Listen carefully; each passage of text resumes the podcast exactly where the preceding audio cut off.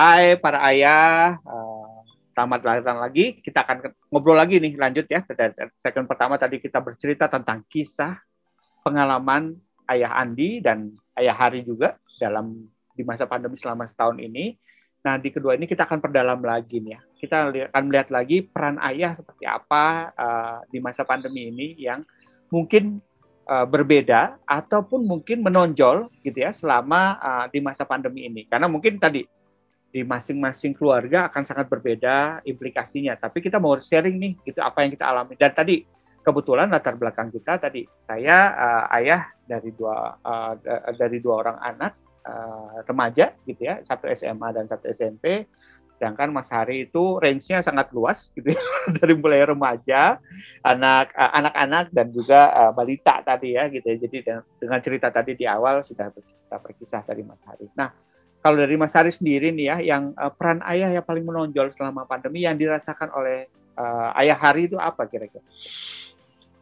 sebenarnya uh, perannya sih tidak berubah, namun memang ada yang kemudian menjadi bertambah uh, kualitas. Oke. Okay, Jadi okay. misalnya contoh okay. uh, di keluarga kecil kami kan kami mengenal uh, pembagian tugas ya, artinya tugas-tugas hmm. uh, uh, rumah tangga itu uh, kita bagi-bagi gitu ya, artinya okay. tidak tidak hanya misalnya ayah bekerja, ibu di rumah, ya. kami tidak mengenal itu ya, kami memang benar-benar share gitu ya. Nah uh, sebelumnya uh, kami itu ada asisten rumah tangga yang memang membantu uh, okay. untuk uh, apa lebih ke kebersihan sebenarnya ya lebih ke, ke membantu untuk mencuci dan membantu untuk membersihkan rumah. Namun uh, pada saat pandemi uh, kemarin itu uh, kami sebenarnya sudah karena dia tidak di rumah jadi dia pulang pergi nih. Hmm. Nah, bolak balik ya, bolak balik, ya. ya bolak balik karena memang dia hanya Eh, tiga uh, jam di rumah gitu ya uh, kemudian uh, dia pulang gitu ya nah, nah uh, uh, tadinya kami uh, sedikit uh, ubah uh, uh, pas pandemi itu dia juga sakit sebenarnya pada waktu itu ya sehingga saya bilang udah uh, di rumah saja uh, tetap kami gaji tapi di rumah sampai sembuh nah sambil dia di rumah kami itu desain jadi saya itu buat uh, saya pindahkan yang tadinya mesin cuci itu di di dalam itu kemudian jadi di luar gitu, hmm. gitu. supaya dia nggak supaya hmm. dia fokusnya di luar yang di dalam biar kami yang di dalam biar kami jadi itu meminimalisir okay. interaksi ya meminimalisir interaksi jadi uh, dia hanya fokus di okay. di luar okay. uh, eh, nyuci dan segala macamnya dia di dalam tapi ternyata akhirnya setelah uh, apa tiga bulan uh, itu malah akhirnya memutuskan untuk tidak bekerja lagi jadi akhirnya full hmm. semua pekerjaan rumah tangga yaitu kami. Jadi kalau kalau saya ya akhirnya uh, uh, bertambah jadinya. Kalau biasanya dulu uh, uh, sedikit membantu uh, istri mengurusin rumah, membantu anak-anak mengurusin rumah, ya sekarang bertambah gitu ya. Jadi hmm. uh, ada pekerjaan uh, uh, pekerjaan-pekerjaan rumah tangga yang memang uh, apa harus uh, perlu saya lakukan. Ya, ya, berbagi dengan istri ya, misalnya hmm. kalau dia nyuci ya saya nyapu, kemudian kalau dia masak ya saya cuci piring, ya gitu-gitu. Jadi itu itu ada peran itu dan itu kan perlu akan jadi menantang kalau kemudian kita ada kegiatan pagi hari Wah itu heboh itu. Pagi hari heboh itu. Uh, bantu oh, nyiapin okay. anak sekolah, uh, beberes rumah, saya harus ngajar juga okay. gitu. makanya okay. makanya kalau ada okay. uh, eh, kalau ada jadi, ngajar ada tambahan jadi IT support ya Mas ya. Nah, itu itu itu ada itu tambahan itu. jadi IT support itu sama, terutama untuk yang uh, kecil ya. Yang si Renat ya. Kalau yang uh, kalau Hafiz mah dia bisa lebih ngerti dibandingkan saya gitu ya. Uh, karena kadang saya minta bantuan uh, adiknya. Jadi uh, memang uh, tadi ya, ya, jadi yang pertama adalah pekerjaan domestik nih, pekerjaan domestik yang uh, kemudian bertambah. Yang kedua hmm. adalah ini uh, uh, apa uh, sedikit semoga sih menjadi tambah lebih soleh. Ya. Jadi imam. kan kan oh, jadi okay, ya jadi okay, jadi okay. karena di rumah terus kan jadi lima lima waktu kan uh, uh, sholat lima waktu kan di rumah Hmm. Uh, setelah lima waktu kan di rumah. Ya, apalagi, apalagi Jumat ya Mas ya. Sholat Jumat juga di ini ya di rumah ya Mas ya. Ya beruntungnya ya. rumah saya depan masjid. Jadi bahkan kalau kalau Jumatan itu saya buka itu saya, saya buka karpet uh -huh. saya dan memang dipakai untuk sholat Jumat. Jadi jadi uh, oh, uh, uh, tambah peran tuh jadi imam sholat nih. Yang biasanya okay, okay. jarang karena karena rumah saya di depan masjid kan biasanya kan uh, uh, sholat uh, jamaah anak-anak itu kan uh, uh, subuh kadang-kadang mereka ikut kadang-kadang tidak tapi uh, apa maghrib isya kan biasanya kan saya ajak ke masjid nah sekarang lima waktu itu dikerjakan di rumah itu itu kalau ditambahnya ya jadi ya hmm. ya jadi lebih mengingat uh, supaya nambah koleksi terutama koleksi hafalan gitu ya Masa kalau oh, Maghrib okay, sama Isa hafalannya ayahnya itu aja itu aja gitu ya. Oh, ya, ya, ya. ya. Memacu ya Mas ya, memacu ya. memacu nambah hafalan. Kita mesti nggak tahu musik itu itu baik atau buruk ya, tapi ya itu kejadian nyatanya tuh begitu ya. Uh, jadi termotivasi untuk uh, apa uh, menambah kualitas uh, apa, bacaan lah. Uh, kemudian apalagi ya? Oh ya tadi mendampingi belajar. Namun di sisi ini sebenarnya sampai sekarang saya masih uh, belum mulus ya uh, menurut saya uh, karena ada satu sekolah hmm. dari anak saya saya nggak mau nyebut sekolah yang mana tapi yang menurut saya agak sedikit berbeda konsepnya jadi gini contoh nih kami itu uh, kami itu menganut kayak ini saya dampingi dia saya fasilitasi dia tapi saya tidak akan mengambil alih kesulitan dia jadi contoh misalnya gini uh, anak saya. Hmm. anak saya nggak bisa is uh, ya tadi kan kamu nyebutnya IT support ya ya itu ya gitu. Artinya kan kita bantu dia kasih fasilitas kemudian kita ingatkan uh, tetapi kalau dia ada kesulitan misalnya ayah aku nggak ngerti ini ini ini ini ini ini ini. Saya bilang ya tanya pada gurumu. Tanya pada gurumu gitu. Karena kan memang kalau di sekolah juga begitu kan ya. Kalau dia nggak bisa kan tanya pada gurumu gitu. Jadi dan itu kesulitan dia gitu ya. Jadi misalnya uh, uh, kami itu menganut begitu. Kami itu menganut bahwa uh, saya mendampingi dia belajar. Uh, mendampingi itu artinya apa? Ya dia belajar ya saya juga belajar kan. Artinya bukan ada di sampingnya mendampingi hmm. enggak ya saya juga saya juga belajar gitu ya. Dia juga belajar di ruangan yang berbeda gitu ya. Nanti kalau isi, yuk istirahat kita makan siang, nah, makan siang. Yuk kita kerja lagi gitu ya. Ayah kerja kamu belajar gitu. Uh, ya udah sekarang boleh main gitu. Jadi kita mendampinginya seperti itu. Tapi kalau tidak misalnya kalau ada kesulitan, misalnya, ayah aku nggak ngerti nih matematika, ini, ini, ini, baca lagi. Kerjain contohnya. Masih nggak ngerti lagi, tanya pada gurumu. Gitu. Namun ada sekolah yang mengatakan, uh, malah email, uh, malah bilang ke anak saya, gitu ya, kamu tanya ke ayah nama bunda dong. Terus gurunya WA misalnya, Pak tolong dong dibantu anaknya dijelasin. Nah ini agak berbeda ya, di konsepnya ya. Karena bagi saya, bagi saya pribadi, uh, anak bisa belajar mandiri, mengelola kegiatan belajarnya itu lebih penting dibandingkan dia hmm. menguasai uh, pembelajarannya. Jadi kalau proses pembelajarannya ternyata tidak hmm. berjalan, ya anak perlu ngasih feedback kepada gurunya supaya uh, apa relasi pembelajaran itu penting. Kecuali Renat hmm. yang yang uh, uh, PAUD ya, mau nggak mau hmm. kalau dia kan harus didampingi gitu ya. Hmm. karena memang konsepnya juga begitu. Jadi tapi kalau untuk anak SD kalau menurut pendapat saya uh, seperti itu. Nah ini yang memang uh, sampai sekarang pun uh, uh, uh, uh, kami masih terus membantu menjalin kerjasama. Ini memang uh, sedikit beda konsep uh, barangkali ya antara sekolah atau guru gitu ya yang bersangkutan dengan kami orang tuanya.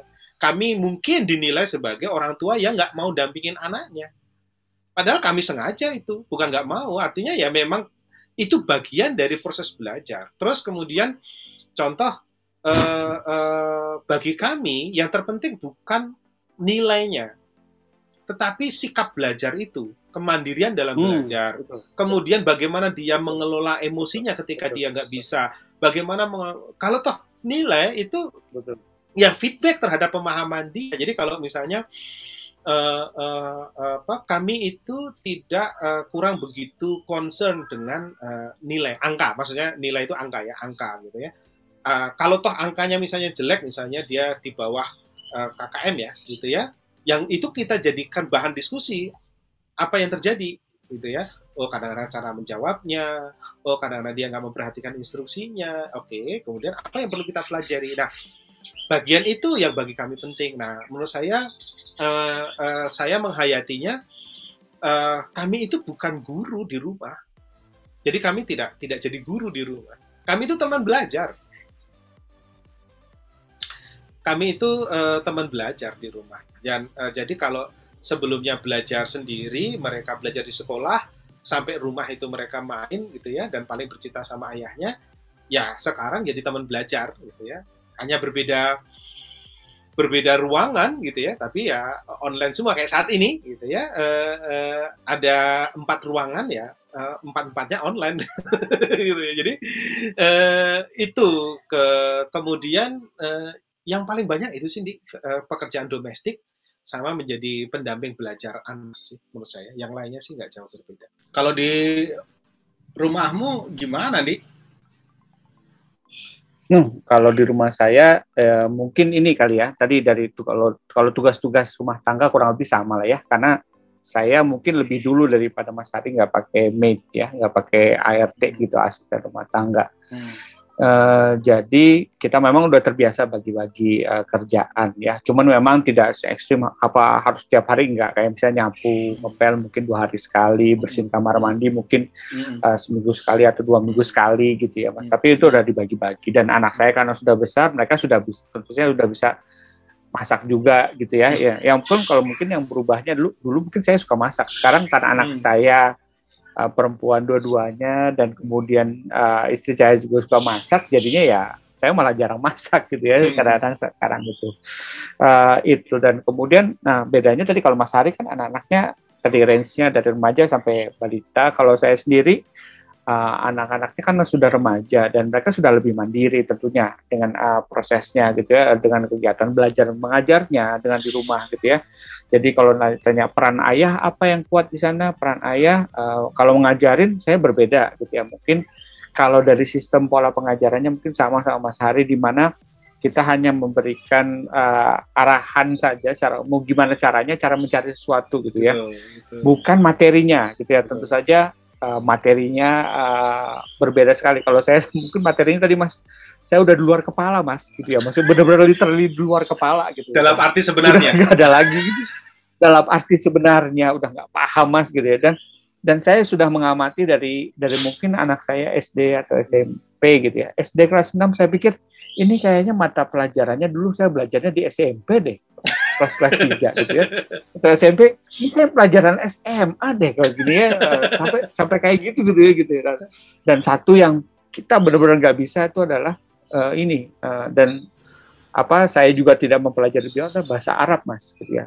Hmm. Arabnya Arab bahasa Arab bahasa hmm. Arab tuh itu nggak ngerti. Saya referensinya juga saya nggak tahu gitu ya Nah, kalau pada akhirnya kalau dengan anak-anak dari proses belajar kita cuma membantu mereka. Kalau tadi IT support di awal dengan menjadikan peralatannya, saya tambah dengan application support, Mas. Hmm. Jadi saya bantu aplikasi apa? Hmm. Saya carikan, hmm. saya bantu carikan aplikasi-aplikasi apa yang membantu mereka untuk uh, belajar gitu ya, gitu. Karena uh, karena di satu yang satu sekolahnya memang standarnya uh, kebetulan standar internasional, jadi berbeda hmm. referensi yang mungkin tuh nggak ada gitu ya. Hmm. Tapi di satu yang satu uh, kurang lebih sama bisa kita carikan di aplikasi. Tapi kita bantu aplikasinya kan karena anak sekarang tugasnya macam-macam memang sih. Betul betul, betul betul betul. Uh, dari dari ngumpulin video lah ya, gitu sama ya, ya, ya. editing dan segala macam ya, gitu ya, ya, dan, ya, ya, ya. Dan, dan paling saya jadi jadi tempat bertanya ke, ke ya. itu gitu ya ke ya, apa ya. Ke, ke dalam proses itu dalam proses mereka belajar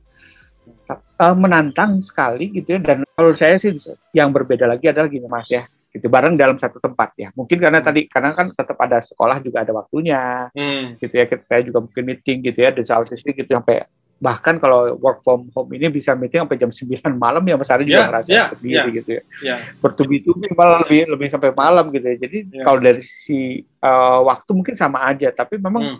saya merasa lebih tenang kadang-kadang Mas ketika hmm kita bareng-bareng nih di satu hmm. rumah gitu ya, hmm. di satu rumah dan hmm. saya tahu uh, keadaannya masing-masing lah kurang lebih yeah. seperti itu yeah. ya. Mungkin yeah. efektif time-nya dan satu lagi yang saya berbeda sekali adalah ngobrol ketika makan, Mas. Hmm. Ketika makan siang. Itu itu momen di mana memang kita berhenti gitu ya, Mas ya. Momen hmm. kita hmm, berhenti. Hmm. Kemudian uh, ya ngobrol mungkin nggak banyak ya Mas karena makan paling setengah jam ya, tapi ya berhenti kita bareng-bareng hmm. uh, berbicara di situ walaupun nggak harus selalu dilakukan tapi hmm. kalau tidak dalam sehari kita menyempatkan waktu-waktu untuk kemudian kita ngobrol bareng di situ gitu ngobrol apa biasanya aja cuma ya makan malam ya biasanya cuma makan malam ya cuma makan malam hmm. cuma makan malam gitu hmm. uh, ya dari mulai ya karena tadi ya kita mendekati apa yang disukai anak. Nah saya kebetulan uh, sedang suka ya tadi sinetron ataupun drama-drama Korea gitu ya. Saya nanya-nanya hmm. apa sih apa sih yang kamu lihat dari situ dan sekarang. Hmm. Paling itu tuh aja ngobrol hmm. macam-macam atau ngobrol tentang tentang bagaimana how they feel about COVID gitu ya, gimana perasaan hmm. mereka. Itu ya yang yang yang yang juga kadang-kadang kita obrolkan gitu ya dalam tentu saya topiknya itu yang berbeda gitu menurut saya dan uh, cukup menonjol gitu ya uh, dan dan dan dan kalau dari dari sisi keseharian sih karena memang gini uh, uh, apa kalau kan uh, di tempat saya gitu ya di tempat saya uh, uh, di keluarga kalau saya lebih kecil daripada Mas Ari keluarganya ya. hmm. ya kalau Mas Ari hmm. berlima saya berempat malah gitu ya uh, di kita memang uh, mencoba beberapa uh, saya sebagai uh, ayah gitu ya mungkin nggak sampai kepada pertanyaan uh, kalau ayah nggak kerja nggak dapat uang gitu ya. kalau anak uh, bukan uang cuman yang belum ke, belum anak saya kebayang itu kerjaan ayah saya ngapain itu yang belum kebayang mas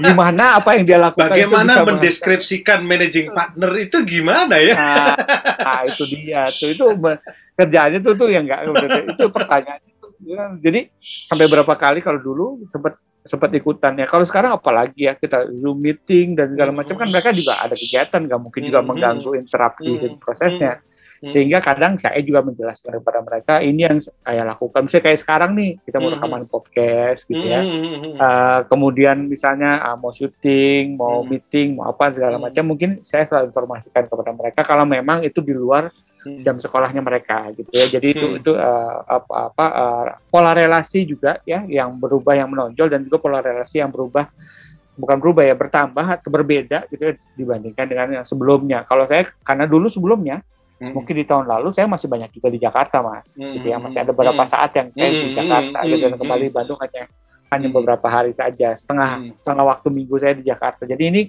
sangat berbeda dan kalau saya karena dulu 15 tahun di Jakarta saya kalau saya pribadi saya berusaha uh, mengejar ketertinggalan walaupun nggak bisa 100% ya, ya Mas kebersamaan ya. itu yang yang, ya, yang ya. coba saya saya uh, saya lakukan selama proses ini. Gitu. Jadi nggak apa perubahan perubahannya nggak selamanya negatif ya, Andi? Bahkan ada enggak, beberapa poinnya positif ya. Betul betul hmm, betul hmm. betul. Itu menurut saya saya rasakan banget uh, di dalam prosesnya ini ya. Kadang-kadang bosen ya bosen di rumah ya tadi kita ngadain corona tour aja gitu ya gitu. Kalaupun pada uh, ta, uh, pada akhirnya kalaupun kita berkunjung ke orang tua kami, gitu orang tua saya gitu ya, atau hmm. orang tua istri saya, kita ya benar-benar home to home aja gitu ya, hmm. gitu ya. Uh, home to home tuh maksudnya mampir, kita berkunjung di sana, nggak nggak iya. mampir di perjalanan ya, tuh biasanya kita suka mampir, nggak mampir betul, gitu kan ya. Uh, terus uh, di sana pun kadang-kadang kalau memang tidak harus menginap kami pulang lagi begitu sampai di sana pun kami mandi dulu ya. sebelum kita berinteraksi dengan ya. mereka bersih ya, ya. dulu gitu ya, ya. ya. jadi uh, itu benar-benar kita jaga tadi karena di yang di segmen awal tadi kita khawatir kita menjadi carrier kepada Betul. yang lain ya walaupun ya. Uh, mungkin ya kita sudah mencegah ya, tapi kita nggak tahu karena virus itu uh, nggak kelihatan ya mas ya gitu ya Nah, ya, kalau dari Mas. Aris sendiri gimana Mas kira-kira kalau Mas Aris? Ada pola relasi? Ada berapa? ada berapa yang uh, sama yang samanya itu adalah ternyata ya tadi selain uh, sering sholat bareng juga sering makan bareng. Itu itu itu benar-benar berharga yang biasanya cuma kita nikmati di makan malam ya. Kemudian uh, memang agak sedikit kebalik ya ini kan terkait dengan saya ya gitu ya. Uh, uh, jadi kamu bukan hanya rujukan aplikasi, uh, bukan hanya rujukan saya, tapi juga rujukan anak-anakmu ya. Kalau saya kan agak sedikit tertinggal, justru malah kebalikannya Hafiz yang lebih malah sering memberikan rekomendasi aplikasi. Jadi kalau dia hmm. tahu, dia su suka bertanya misalnya, ayah lagi ngerjain apa gitu ya, lagi ngerjain ini ini ini ini ini. ini. Dulu yang men mengenalkan Discord itu Hafiz ke saya Oh. Uh, uh, okay, jadi misalnya okay. ayah kalau alternatif lain kalau ayah nggak mau pakai Zoom, kalau nggak mau pakai ini itu bisa pakai Discord. Itu dia keunggulannya ini ini ini ini ya memang tidak bla bla bla. Dia dia dia belum menjelaskan karena ternyata dia yang hmm. karena dia kan lebih explore ya terkait dengan teknologi informasi. Rasanya hmm. sih dia dia ketularan omnya lah, ya, omnya kan orang IT ya gitu. Jadi eh, hmm. belajarnya dari dulu kan omnya tinggal di rumah ya dan kemudian akhirnya kayaknya menular hmm. tuh minat minat uh, dia terhadap IT dari omnya dan juga bergaul dengan om-om yang lain termasuk bergaul denganmu gitu. Jadi Hafiz itu lebih lebih melek nih. Jadi justru malah kalau kalau saya bahkan kalau ada trouble tertentu gitu ya karena saya bertanya pada dia termasuk ini kita mau membeli membeli apa uh, uh, PC itu dia yang survei dia tanya dulu budgetnya berapa oh, ya okay. budgetnya berapa ya? hmm. ya gitu ya uh, budgetnya seginilah gitu ya kira-kira gitu ya range-nya oke okay, gitu ya terus kemudian ya kemarin dia ngajuin tiga alternatif gitu ya uh, terus kemudian ya dia lebih ngerti karena karena dia lebih update hmm. lah ya hmm. kayak contoh misalnya ini kenapa kok uh, apa RAM-nya masih segini ini ya segini gitu. Nah. ya itu tapi itu karena saya kan karena keterbatasan saya yang hmm. keterbatasan saya yang memang tidak uh, apa update ya gaptek lah gitu ya dari sisi teknologi informasi ya saya belajar hmm. dari anak. Nah, terus yang kedua adalah memang benar dengan interaksi yang lebih banyak dengan anak kan jadi lebih tahu ya apa yang dia kerjakan karena biasanya hmm. kan uh, uh, bertemunya pun cuma malam hari kan biasanya meskipun saya ya, di Bandung ya, kan misalnya betul. saya pulang hmm. dari kampus gitu kan juga udah sore hmm. meskipun dari kampus jam 3 nyampe Bandung juga tetap aja maghrib dan segala macamnya hmm. benar-benar hmm. benar-benar uh, uh, diskusi itu kan terbatas sekarang kan hampir tiap hari diskusi ya gitu. Nah, di sisi hmm. lain kalau saya menghayati ya, kalau sisi lain yang menghayati adalah tekanan ini kan uh, dirasakan juga oleh banyak orang bukan hanya oleh anak-anak tapi juga oleh kita kan. Oleh saya terutama misalnya ya. Oleh istri hmm. saya juga gitu ya. Ada kebosanan. Sekarang sini yang yang paling dominan bosan sih menurut saya. Salah satu yang dominan selain kangen itu bosan. Hmm. kalau kalau cemas dan segala macamnya karena sudah setahun ya kayaknya kita sudah mulai adjust ya. Sudah mulai menyesuaikan diri. Tapi justru hmm. malah kebosanan. Jadi tadi benar kalau kami dua minggu sekali eh, dua minggu sekali memang keluar keluar. Jadi hmm. keluar tapi ya itu uh, tadi kamu nyebutnya apa koronatur. gitu. Eh, nah, uh, kita keluar biasanya ya belanja, belanja. Kita kita keluar belanja. Uh, itu pun juga kalau belanja yang turun cuma saya dan istri, gitu ya. Terus kemudian mereka tetap di mobil, mereka tetap di mobil, gitu. Ya. Terus kemudian uh, biasanya kita ke taman sih. Kalau kalau kalau itu kalau toh hmm. turun itu di taman, gitu ya. Kalau turun di taman. Jadi hmm. karena kalau uh, anak-anak saya itu energinya gede nih Sementara kan rumah Pastinya, terbatas, mas. rumah terbatas. Betul, Terus kemudian betul, betul, makanya betul. salah satu yang dia kangen itu adalah rumah Cinere ya. Oh iya, iya. ya, karena, karena luas ya mas. Ya, luas, lega.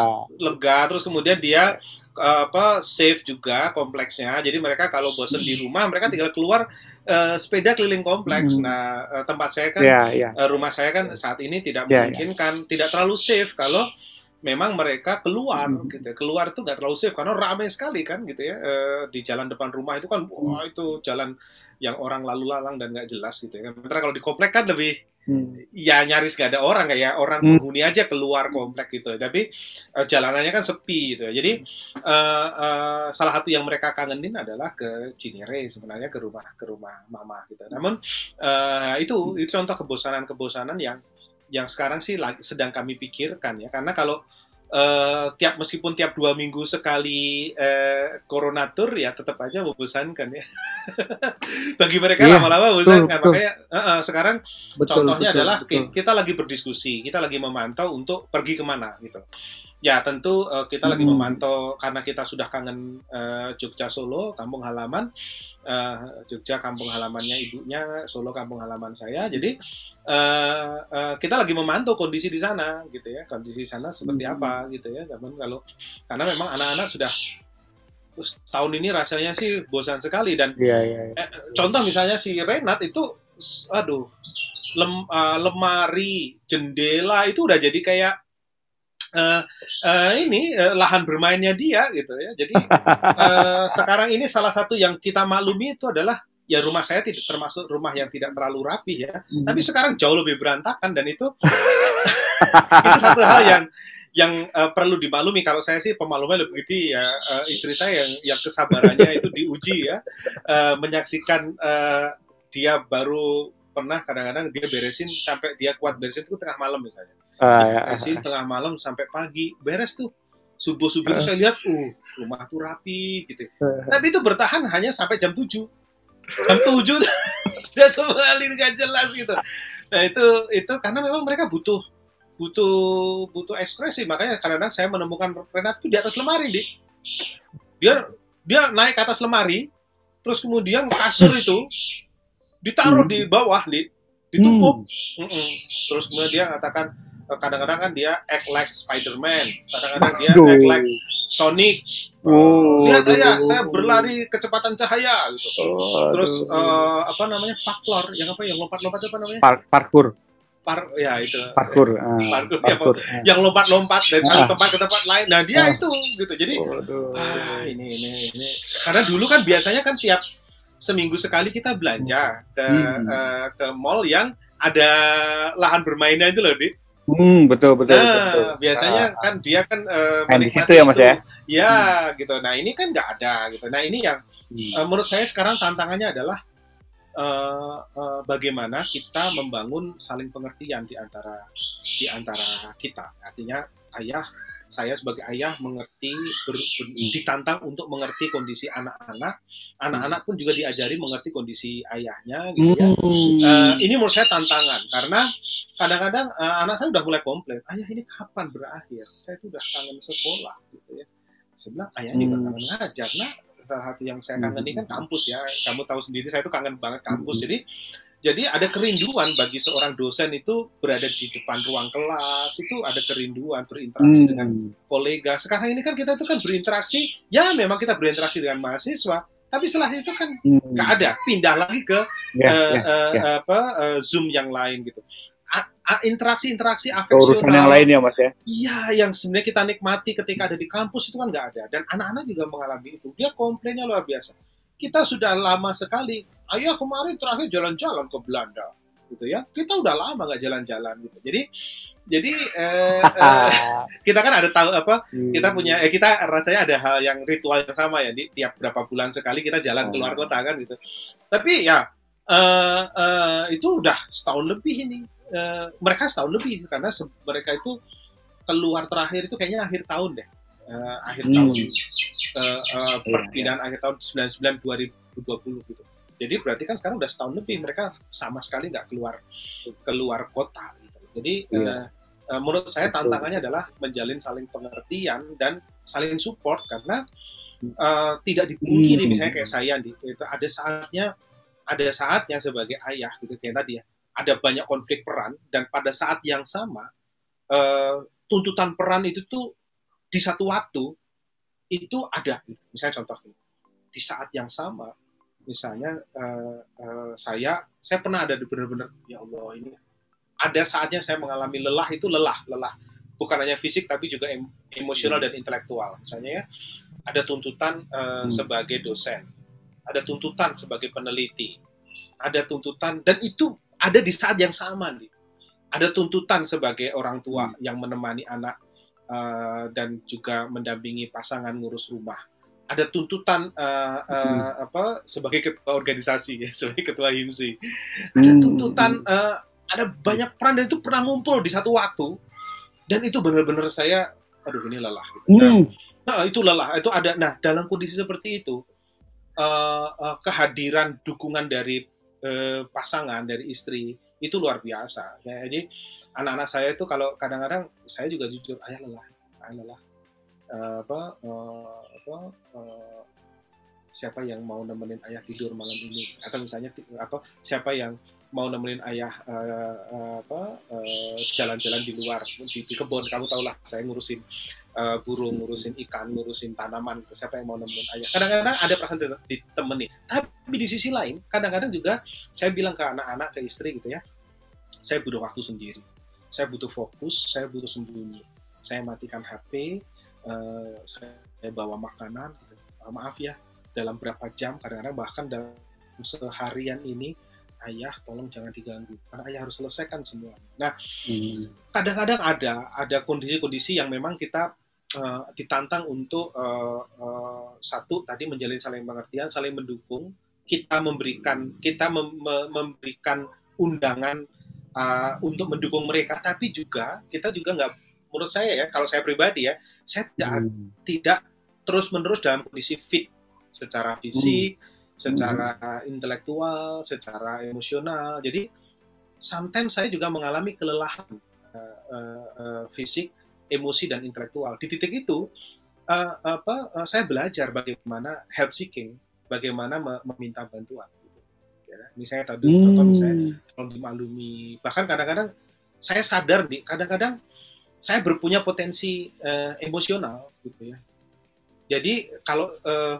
saya sih menghayati dengan kita bersama-sama dalam keluarga satu sisi kita semakin dekat tapi di sisi lain potensi kita uh, mengalami kekerasan uh, verbal dan kekerasan emosional juga tinggi loh yang mungkin tanpa kita hmm. sadari ya Ya, ya, ya. Uh, jadi saya sempat, aduh, ketika lelah gitu ya, semua tadi tuntutan ada gitu ya, dan lelah sekali. Saya saya itu menyadari ini ini ini ini. Saya ke, ke kena terpicu stimulasi dikit saja, ini saya bisa marah ini gitu. Nah dalam kondisi seperti itu saya kadang-kadang tolong dimaklumi ya. Kalau mau ribut atau kalau mau berantem, anak saya kan bertiga-tiga hampir tiap hari berantem kan nih. Hmm, Dari kalau laki-laki semua ya Mas ya. Iya. apa saja dijadikan topik berantem gitu ya, berantem ya oh, apa adu argumen gitu ya, nggak sampai uh, apa melukai sih, tapi oh, adu argumen teriak-teriakan dan segala macamnya gitu. Gara-gara rebutan uh, channel TV dan sekarang siapa yang harus menentukan siapa yang pegang remote itu aja bisa ribut. Jadi jadi saya bilang hmm. kalau mau ribut ya, tolong uh, ayah lagi mau konsentrasi. Uh, boleh ribut tapi pastikan ayah nggak mendengar gimana caranya. Saya bilang gitu karena uh, uh, dia tahu uh, dia dia pernah tahu ayahnya marah. Jadi uh, kalau kondisi hmm. ayah lelah seperti ini ayah khawatir nanti ayah marah dan kamu nggak tahu nggak nggak pengen kan ayah melihat ayah marah gitu. hmm. kadang-kadang saya kasih kasih warning ya, ya, ya. Uh, ada satu situasi di mana uh, hmm. ayah lelah uh, saya butuh pengertian mereka untuk setidaknya uh, jangan menstimulasi uh, karena khawatir saya nggak mampu mengendalikan diri nanti mengeluarkan kekerasan verbal misalnya uh, misalnya saya jarang bentak tiba-tiba wah hmm. itu kan kaget juga anak-anak kan gitu dan saya hmm. punya potensi seperti itu kan? Kalau kalau dalam kondisi lelah emosional kan terstimulasi dikit kan bisa yeah, bisa meledak gitu. Nah itu kadang-kadang menurut saya tantangannya, tantangannya bagaimana betul uh, betul. sama uh, juga mas. Mungkin saya juga sama anak-anak saya betul. Hmm. buat partners para ayah gitu ya partners para ayah di sini kita akan kembali lagi nanti